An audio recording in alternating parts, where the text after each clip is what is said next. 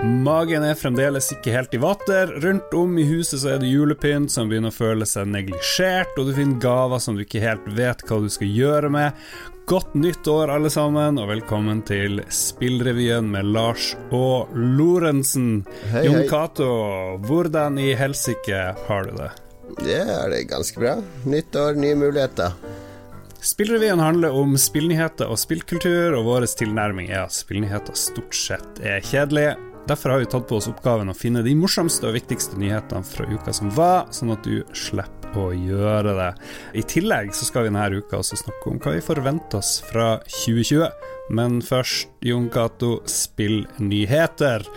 Første jeg tenkte vi kunne snakke om, er at eh, Witcher 3 har satt rekord i antall spillere samtidig på distribusjonsplattformen Steam i romjula. Grunnen er at det fire år gamle spillet nå er ute på Netflix som TV-serie, basert på bøkene som spillet bygger på. TV-serien har fått litt sånn uh, ymse kritikk, men uh, fans og seere, det ser ut til å slå an. Har du sett The Witcher?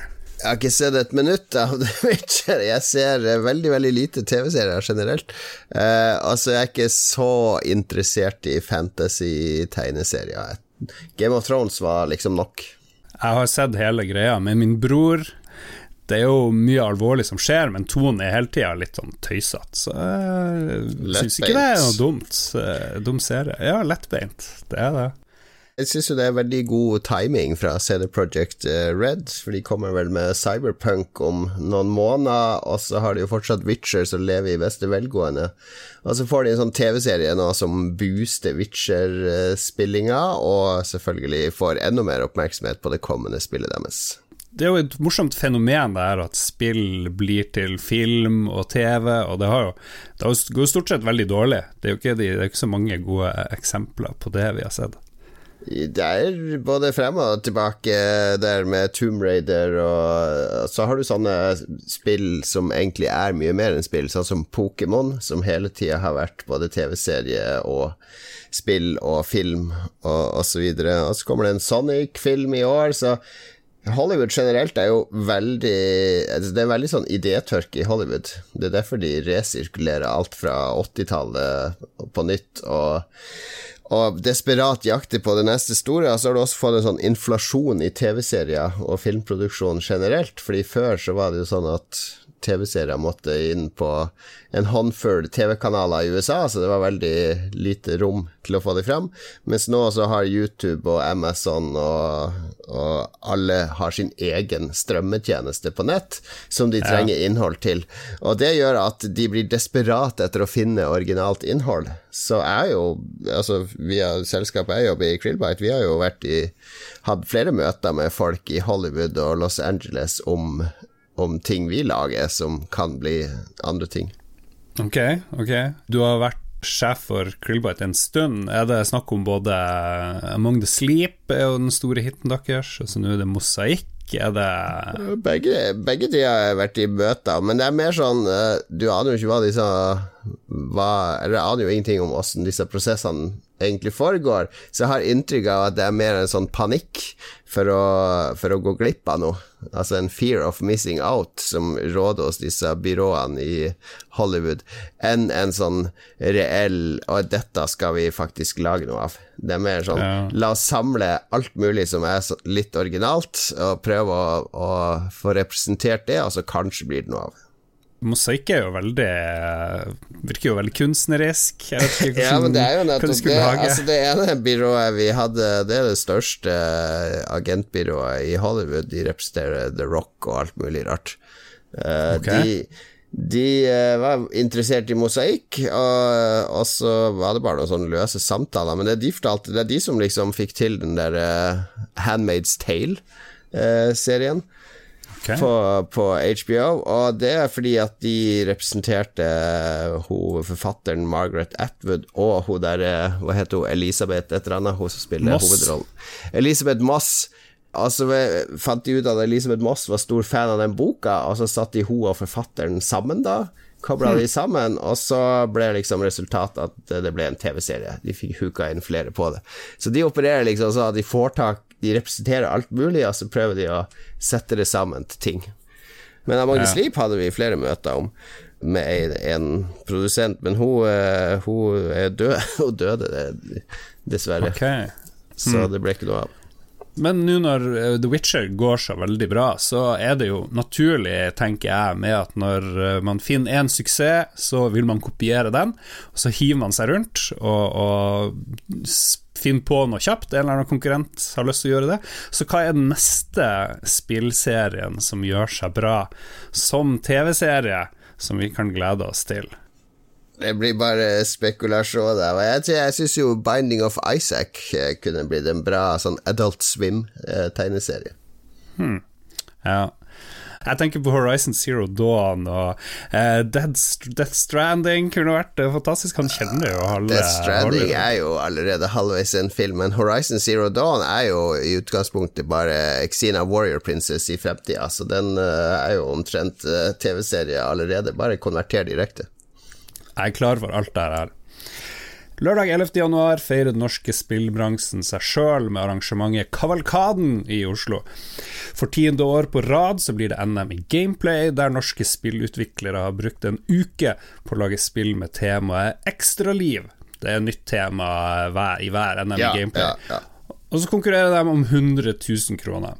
Utviklerne skal også konkurrere i Nordic Discovery Contest, som er en pitchekonkurranse i regi av den årlige nordiske spillmessa Nordic Game. Dagen avsluttes med Spillprisen, som er norske spillbransjens prisutdeling, som skal hedre de beste norske spillene i 2019. Og helt i starten av Lolbua så var jo vi med og sendte direkte et par år Eh, fra i Gameplay, og det var veldig morsomt. Det var før du ble spillutvikler, og du skal vel være med på alt det her, kanskje? Jeg skal være DJ på festen etter spillprisen. Og så er jo mm. Krillbite, eh, selskapet mitt, nominert, eh, tror jeg, til én eller to priser. Ok, Skal dere være med på Enemy Gameplay? Ja, vi har meldt oss på der òg, så vi får se om vi rekker å være med der temaet ekstraliv. Jeg vet ikke om det er lov å røpe det, men jeg vet at du, er, du syns ikke det var det mest spennende temaet? Nei, jeg syns det var Jeg liker at temaene ikke er sånn direkte kobla til spill. Ikke sant? Temaet highscore eller ekstraliv eller uh, Altså ja. sånn spillterminologi. Det, det jeg vil at det skal være bærekraft. Det hadde vært et bra tema. Det kan, mm. det kan være Death Stranding er et spill om bærekraft, fordi du må, skal bære mest mulig. Samtidig kan du lage et spill om miljø, eller du kan lage eh, en bro. Bo, brobyggesimulator. Altså, jeg liker temaer som får fantasien til å løpe løpsk, og jeg sleit litt med ekstraliv-temaet. Hva du syns om NM i gameplay? Er det, er den, har den noe for seg? Ja, de har holdt på i ti år, så jeg syns det, er det er en artig Altså, hele, de har klart å gjøre hele dagen til en artig sosial samling. Fordi først er det NM, og så er det Nordic Discovery, og så er det spillpris, og så er det fest. Så det er basically en hel dag, en festival for spillbransjen. Og uh, jeg, jeg koser meg masse på de dagene. Jeg har jo, nå har jeg jo vært med å arrangere det før òg, og sittet i jury, gjorde jeg vel før jeg begynte å jobbe i spillbransjen. Så jeg har jo vært involvert mye. Men det var jo også i det som var før, hvis du husker det, Gullstikka. Ja, jeg husker Gullstikka var veldig provosert over hele prosjektet, for da var det distributører satt og ga seg sjøl priser for at de solgte spill som Grand Theft Auto og Fifa og sånn og det virka jo helt uh, bortkasta, ja, det var jo det vi hadde av spillbransje i Norge, da, fordi bortsett fra de distributørene, så hadde vi jo Funcom og Artplant og Minimedia, og det, det var omtrent det. Eh, og så var det jo Distributørene i Norge hadde jo masse penger. Det var vel en 60-70 personer som jobba med distribusjon av spill i Norge. Hmm. Det er jo virkelig gamle dager der de hadde egne ansatte som reiste rundt i Norge og besøkte bokhandlere for å selge inn fem Fifa og tre Rally Championship, liksom. Så, så, det var en helt annen virkelighet. Altså, dette var Gullstikka holdt jo på i tolv år, eller noe sånt, og det var jo spillbransjen. Det som da var spillbransjen eh, sin, sin, pris, som var for distributører og forhandlere og presse. Uh, og så forsvant jo disse, og nå er det jo Spillprisen er jo blitt liksom det som er den kreative spillbransjen sin spillpris, altså de norske utviklerne ja. som lager spill i Norge. Så her er jo Funcom og Red Thread og Krillbite og Rock Pocket og Rain Games og, og alle disse så, Sarepta og disse som har satt spor etter seg, som lager spill i Norge, er jo representert her. Hva er det som er den store favoritten? Har ikke jeg sett verken på lista over nominerte eller noe som helst. Er det noen favourites? Jeg, tror lista er ute akkurat nå. Den er ikke ute nå når vi spiller inn denne podkasten, men jeg, jeg, vil jo tro at, eh, at uh, Draugen fra Red Thread vil være nominert i en del kategorier. Det er jo et, eh, et de vakreste norske spillene som er laga. Eh, også vårt spill Mosaikk er vel med i en eller to kategorier, tror jeg. Vi har vel ja. nominert BlippLopp òg, men jeg vet ikke om juryen valgte å ta det med i noen kategorier. Altså Nei, hva er det? Det kom en del spill i fjor, men jeg husker Nå tok du meg på senga. Jeg tok deg på senga, men uh, følg med neste Spillrevyen. Da skal vi da diskutere opp og ned og høre hvor skuffa eller glad Jon Cato er for prisene du fikk eller ikke fikk på festen 11. januar.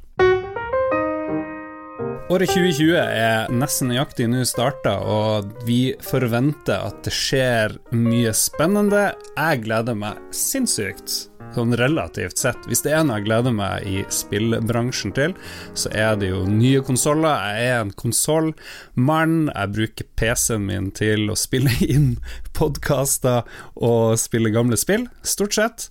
Og du er mer PC-mann, så jeg vet ikke er det det største Hvis vi skal ta en liten runde på hva vi tenker om 2020, er det de mm. nye konsollene som er det store, egentlig? Det er sånn, sånn jeg ser det nå, i hvert fall. På overflata så er jo det nye konsoller veldig spennende, men nå er jo ikke uh, Vet du hva det mest solgte spillet på PlayStation 4 og Xbox One er? Jeg så at i England så var det Fifa. Ja, sånn all time? Oh, ja, all time, ja. Uh, nei, jeg aner ikke. Det er, eh, det er Grand Theft Auto 5. Altså et ja. spill som opprinnelig kom på PlayStation 3 og Xbox 360. Og det sier Altså, det er ikke sånn at en ny konsollgenerasjon er en hel bunch med nye spill lenger. Det er en, en, tjenestetilbyder som er litt oppgradert fra den forrige. Så jeg tror jeg tror at de blir spennende, de nye konsollene, men det blir ikke noe spennende sånn hardware eller innholdsmessig. Det blir bare mer av det samme vi har nå. Uh, mm. og, og at du holder ut med to minutter loading på Destiny 2, mens det er et halvt minutt på PC. Nå kan du få oppleve hvordan det er, og at det bare går et halvt minutt fra du har lasta inn levelet til du kan spille. Ja. Så det er sånne små sånne ting som vil bli oppgraderingen. Så jeg klarer ikke å skjønne at det skal bli en sånn vill feber rundt de, med mindre de har noen spektakulære titler klare på lanseringa. Ja, men jeg så en nyhet fra England, det var derfor jeg visste at eh, Fifa solgte eh, veldig bra, for det var nummer én i England, i hvert fall, mm. i fjor. Og, men eh, totalt sett så gikk omsetninga av spill ned, både digitalt og fysisk med noen prosent, og det var første gang siden 2012, tror jeg. Og da var det sånn at man etterlyste nye konsoller for å få mer drive i salget. Så det blir jo spennende å se om vi får den effekten der, da. Ja, jeg er usikker på hva som skjer i England, men kanskje de skulle eh, konsentrere seg om å håndtere brexit i stedet for å spille dataspill. ja. Det kommer også ny konsoll fra Microsoft, men der gjelder jo akkurat det samme som du sa er det mer sånn at vi har en vaskemaskin, og så bare bytter vi den ut, egentlig, og så bruker vi de samme skjettenkoppene eh. Det var en veldig rar analogi. En magisk eh, metafor. Nei, men det, altså, trendene er jo at, at man spiller færre spill, og så spiller man de lengre. Altså Man har sånne mm. spill som Destiny 2 og Fortnite og disse Games as Service-spillene som dominerer, altså man kan spille gjennom flere år. Uh, og, og, disse spillene må jo være med på de nye konsollene. Det nytter jo ikke å lansere en PlayStation 5 som ikke har Fortnite eller Apex Legends eller alle de store ja, ja. spillene som folk har blitt vant til å spille hver eneste måned, dippe innom gjennom et helt år.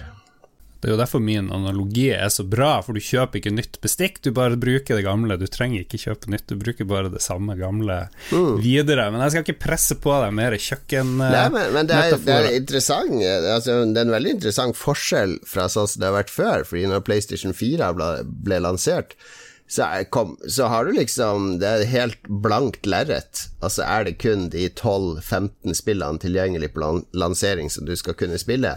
Og det tror jeg ikke de kan gjøre med Xbox, uh, den nye Xboxen og den nye PlayStation. Jeg tror de er nødt til å ha disse populære spillene som alle som dominerer eh, spilllisten, eller hva skal jeg si Altså de, de listen over hva folk spiller fra dag til dag nå, disse må være tilgjengelige fra dag én. Eh, så det, ja. det, blir, det, blir, veldig annerledes fra hvordan konsoller har blitt lansert før, der man alltid Hm, hvilke lanseringsspill skal jeg sjekke ut? Nå er det mer sånn ah, jeg skal kjøpe den så at jeg kan fortsette å spille Destiny 2. Ja. Microsofts største eh, spillnyhet til den nye konsollen som kommer i år, er vel Halo. Det er liksom det de har mm. lekka og snakka om. Vi kan gå videre fra nye konsoller vi snakker fortsatt om 2020 og hva som forventes. Yes. Du har notert eh, større innflytelse fra Kina ja, jeg tror uh, Sånn som det har vært tradisjonelt, så er det jo sånn at vestlige spill har liksom uh, Vi snakker mye om hvordan vestlige spill prøver å komme opp og frem i Kina, og det er mobilversjoner av PlayerUnknown's Battleground og alle andre storspill i Vesten som er, gjør det kjempestort på mobil i Kina. Men så tror jeg også at vi kommer en sånn bølge andre veien. At uh, kinesiske utviklere og selskaper nå de lager, det lages f.eks. Pokémon-spill av Tencent i Kina nå. Uh, og jeg tror mange andre kinesiske selskaper jobber med ganske store ting som også vil komme vestover. Altså at vi vil få uh, tilgang til spill og, og serier som uh, forhåpentligvis vil gjøre det bra her i Vesten. Så at vi, det blir en mer sånn kulturell utveksling enn bare at vi pøser våre ting inn i Kina er litt delt i det der. På den ene sida så er eh, instinktet mitt er å være litt negativ til alt som har med Kina å gjøre eh, akkurat nå. Vi har nevnt før eh, konsentrasjonsleirer og alt det her. Men på den andre sida så er det jo ikke regjeringa som driver og lager de spillene. Det er jo vanlige folk, sånn som meg og deg, som sitter i en eller annen hverdag. Eh, de driver ikke og utformer politikk i det hele tatt. Og kulturutveksling er jo en av de mer fine tingene man kan gjøre for å forstå hverandre og for å knytte hverandre nærmere. Én ting er jo handel, ikke sant. Eh, den store grunnen til at man lagde kull- og stålunion i Europa etter andre verdenskrig, det var jo fordi man ville binde landene sammen for å hindre mm. krig. Eh, kultur er jo på akkurat samme måten. Jo mer vi blir kjent, jo vanskeligere er det å drepe hverandre. Så jeg er jo positiv til at det skal komme spill begge veiene. Ja, vi snakker jo her om store spill laga av store selskaper som kommer til å være gjennomsyra kommersielle og uh, utstuderte i hva de prøver å oppnå, så at det blir en sånn veldig kulturutveksling med uh, Det er ikke akkurat kung, kung fu-filmer fra 70- og 80-tallet som skal eksporteres her, det er store corporate ting som skal uh, omfavne og erobre Vesten. Jo da, men det er jo bra. Jo mer de er avhengig av oss, jo mer vil de jo beholde båndene de har. Ja da. Gud, det ble sånn FN-sending det her plutselig. ja, du ble veldig eh, ambassadør for eh, verdensfred plutselig. Nei, det, det, er jo Altså, de har så mye mennesker som jobber med å lage spill der, så det er jo uunngåelig at de etter hvert renner inn i våre land. Og så er det Sannheten er jo at de gjør veldig mye bra med de spillene. Uh, de er veldig flinke til å ta konsepter som vi har laga her i Vesten, og så gjøre de kanskje enda bedre. Uh, mm -hmm. Det finnes jo varianter av Counter-Strike og andre spill i Kina som er veldig, veldig bra. Uh, og i Korea er de flinke til det. Så når disse spillene blir mer tilgjengelige her i Vesten, så blir det jo spennende å se hvordan konkurransesituasjonen blir. Fortnite ebber ut, spillertallene daler, spillerne begynner å glo lei, og streamere snuser på andre spill, spår du, eller det er vel kanskje også observert? Det er i ferd med å skje allerede, at Fortnite har begynt å miste den der uh, Eller å, å, å, skli av den trona som de har sittet på nå i, i et år. Uh, og det skyldes jo at uh, kids, og det er fortrinnsvis kids som spiller Fortnite, de er en flyktig masse som uh, alltid omfavner noe med hele hjertet og kroppen og sjela når de finner noe som de er glad i, men så skal det ingenting til for å for å lokke de over på noe annet som er annerledes og kulere og morsommere der og da.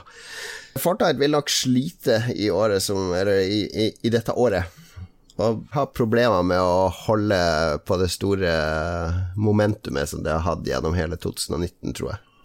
Ser vi noe nytt spill som kan bli det Fortnite var, eller venter vi fremdeles eh, på det?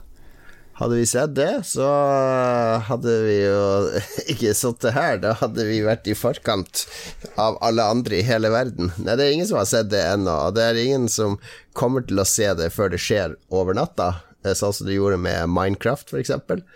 Jeg var jo en av de, den første millionen som kjøpte Minecraft, og jeg skjønte jo ingenting av det spillet. Det var jo helt meningsløst. Helt jeg ga det til min sønn på ti år, og han og kompisen satt uh, i timevis og bygde og hylte og skreik og hadde det gøy med creepers og, og finne ut av mm. hvordan de skulle lage ting. Uh, og da først begynte jeg å skjønne at kanskje dette var noe magisk. Så det kommer nok noe, noe annet som vil ta ungene, kanskje fra Kina. Kanskje blir det noe kinesisk som kommer og erobrer våre barn. I 2019 så kom Stadia fra Google, en helt ny strømmetjeneste som fungerer bedre enn noen annen strømmetjeneste for spill. Og en av dine spådommer for 2020 er at det blir mer av det samme. Facebook har kjøpt noe som heter Play Giga i desember. Jeg regner med at de holder på med sånne her ting. Mm. Eh, du har noe som heter Xcloud fra Microsoft, og så har vi PlayStation Now, som allerede eksisterer samtidig så kommer de her nye konsollene, så det blir jo et, et, et, et, skifte kanskje hver året. Kanskje ser vi at basen deler seg. Noen vil ha konsoller fysiske, og noen syns det er helt greit å bare streame. Og de ser jo vår venn, en som er med å lage Lolbua, den andre podkasten vår, Ståle Baldvinsson, han har jo hevet seg med hud og hår på stadiet og sitter bare og spiller Destiny 2 der, virker det som. Jeg ser for meg at dette kan skje fortere enn vi aner, egentlig. Jeg, jeg, tror det kommer nok ikke så fort som du tror, men jeg tror det blir mer og mer tjenester som dukker opp. Altså tror jeg ikke infrastrukturen er helt på plass ennå før om en fire-fem år. Men det er viktig å ha tilbudet og tjenesten på plass tidlig og etablere seg som den store og dominerende streametjenesten, og det er det alle disse tenker på. Det er jo ikke sånn at du kjøper en PlayStation 5 til 5000 kroner eller en Xbox One Series X til 6000 kroner, eller hva de nå spår at det skal koste, for å streame spill over internett. Da trenger du ikke noe mer enn en, enn en boks til 500 kroner, liksom, for å klare å motta de signalene. Så uh, vi er nok fortsatt noen år unna at streaming blir den dominerende måte å spille på, men uh, alle skjønner jo at vi er på vei dit, og derfor jeg vil bli veldig overraska hvis f.eks. ikke Amazon også kommer med en spillstreamertjeneste i løpet av 2020. De har jo infrastrukturen på plass, så, så de kan jo eh, Ikke enkelt, men de har, de har, i hvert fall all hardware og infrastruktur på plass til å tilby sin egen tjeneste. Og de har også en egen spilleavdeling nå. De har vel et online-rollespill som heter New Worlds, som nå er ute av alfa og skal lanseres i løpet av året. Kommer vi til å slutte å kjøpe spill eh, sånn som vi har slutta å kjøpe musikk? At det blir mer eh, ting bare henger i clouden? Det er jo en naturlig fortsette. Ja, det, det, går jo over det siste punktet vi har på spådommene våre for 2020, nemlig at abonnementstjenester blir mer dominerende. Om du abonnerer på en streametjeneste eller Xbox Games Pass eller PlayStation Now eller, eh, eller PlayStation Gold eller hva de heter, alle disse tingene, så, så er det jo sånn at uh, man ser en overgang nå til at folk det, det, så vi spesielt i høst, når folk snakka om spill som Outer Wilds eller eh, nye Gears of War. Så var det sånn eh, Folk anbefalte ikke folk å kjøpe Outer Wilds. De anbefalte folk å kjøpe Xbox GamePass, fordi da fikk du tilgang til spillet både på PC og Xbox. Og det er en sånn mental eh, omstilling hos forbrukerne at jeg anbefaler heller en tjeneste enn å kjøpe et produkt, ikke sant? Du anbefaler ikke folk å gå ut og kjøpe den nye U2-skiva. Du sier til folk ja, ta og sjekk den ut på Spotify. Mm. Uh, og så Jeg tror at vi fortere enn vi vet kommer dit på spill òg. Kanskje Steam kommer med en sånn flerfasettert strømme... Uh, ikke strømmetjeneste, sorry at jeg bruker det ordet, men abonnementstjeneste der du kan abonnere på f.eks. ulike sjangre eller et utvalg spill hver måned. Få tilgang til de 20 kuleste spillene hver måned, liksom, ved å betale 300 mm. kroner i måneden, i stedet for at jeg skal drive og kjøpe disse enkeltspillene. Vi kan jo se at vi opererer sjøl, ikke sant? For du har vel Har du slutta å kjøpe film fysisk? Absolutt for lenge siden. Ja, har du slutta å kjøpe film digitalt, eller har du bare strømmetjenester? Uh, jeg er jo på uh, iTunes uh, filmtjeneste. Der kjøper jeg av og til hvis det er like billig å kjøpe en film som det er å leie den. Ja. Men du, ja, så du, det kan jo være at du kjøper film, men kjøper du noen gang musikk digitalt eller fysisk? absolutt ikke. Nei. Og bøker Der kjøper du enkeltbøker, eller har du sånn Kindle har for eksempel sånn her uh, Det finnes jo sånne ulike boksubscription-greier òg nå. Ja, jeg vet jeg gjør det. Nei, der kjøper jeg bøker, faktisk, fremdeles. Jeg gjør det. På Kindlen min.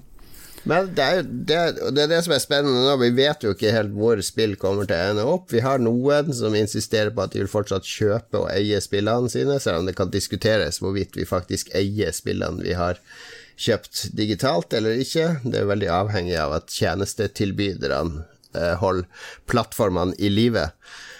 Eh, ellers kan det være at vi bare går over Kan PlayStation 5 la, I teorien, og det her er jo ikke helt far-fetched, så kan det være at det ikke blir spillsalg i det hele tatt på PlayStation 5. At PlayStation 5 blir en boks du kjøper for 5000 kroner, og så må du betale 1000 kroner hvert år, og da får du tilgang til absolutt alt av spill som er på PlayStation 5. Mm. Ja. Hadde du vært fornøyd med det, eller ville du foretrukket å kjøpe enkeltspill fortsatt? Ja, for oss som liker gamle spill og tenker hvordan vil det her være om 30 år, så er jeg litt nervøs for at da er det masse spill jeg aldri vil kunne prøve igjen. Jeg satt jo og spilte masse Commodore 64-klassikere mm. i jula. Veldig lett å få tak i. Det er ikke så lett å få tak i jeg vet ikke, et uh, spill som hele tida blir oppdatert, og, og som, som trenger nett og ditt og datt for å fungere. Så, men eh, fordelen er jo mye større enn bakdelen, så jeg, jeg embracer vår digitale fremtid. Bare la meg betale en sum i året, så er jeg sikkert helt fornøyd med det. Vi avslutter hver episode av Spillrevyen med å se på spillene som kom i uka som gikk, og denne uka så var det kun Brain Age, Nintendo Switch Training, og det bryr vi oss veldig lite om. Starten av året er jo veldig tom for nye spill. Ugunstig å lansere spill når alle er opptatt av andre ting.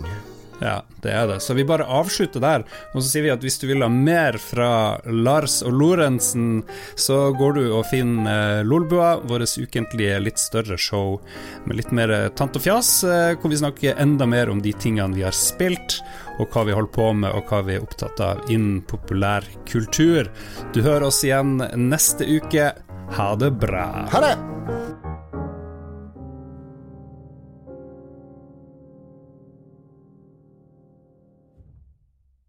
Har du et enkeltpersonforetak eller en liten bedrift? Da er du sikkert lei av å høre meg snakke om hvor enkelt det er med kvitteringer og bilag i fiken, så vi eh, gir oss her, vi. Fordi vi liker enkelt. Fiken superenkelt regnskap.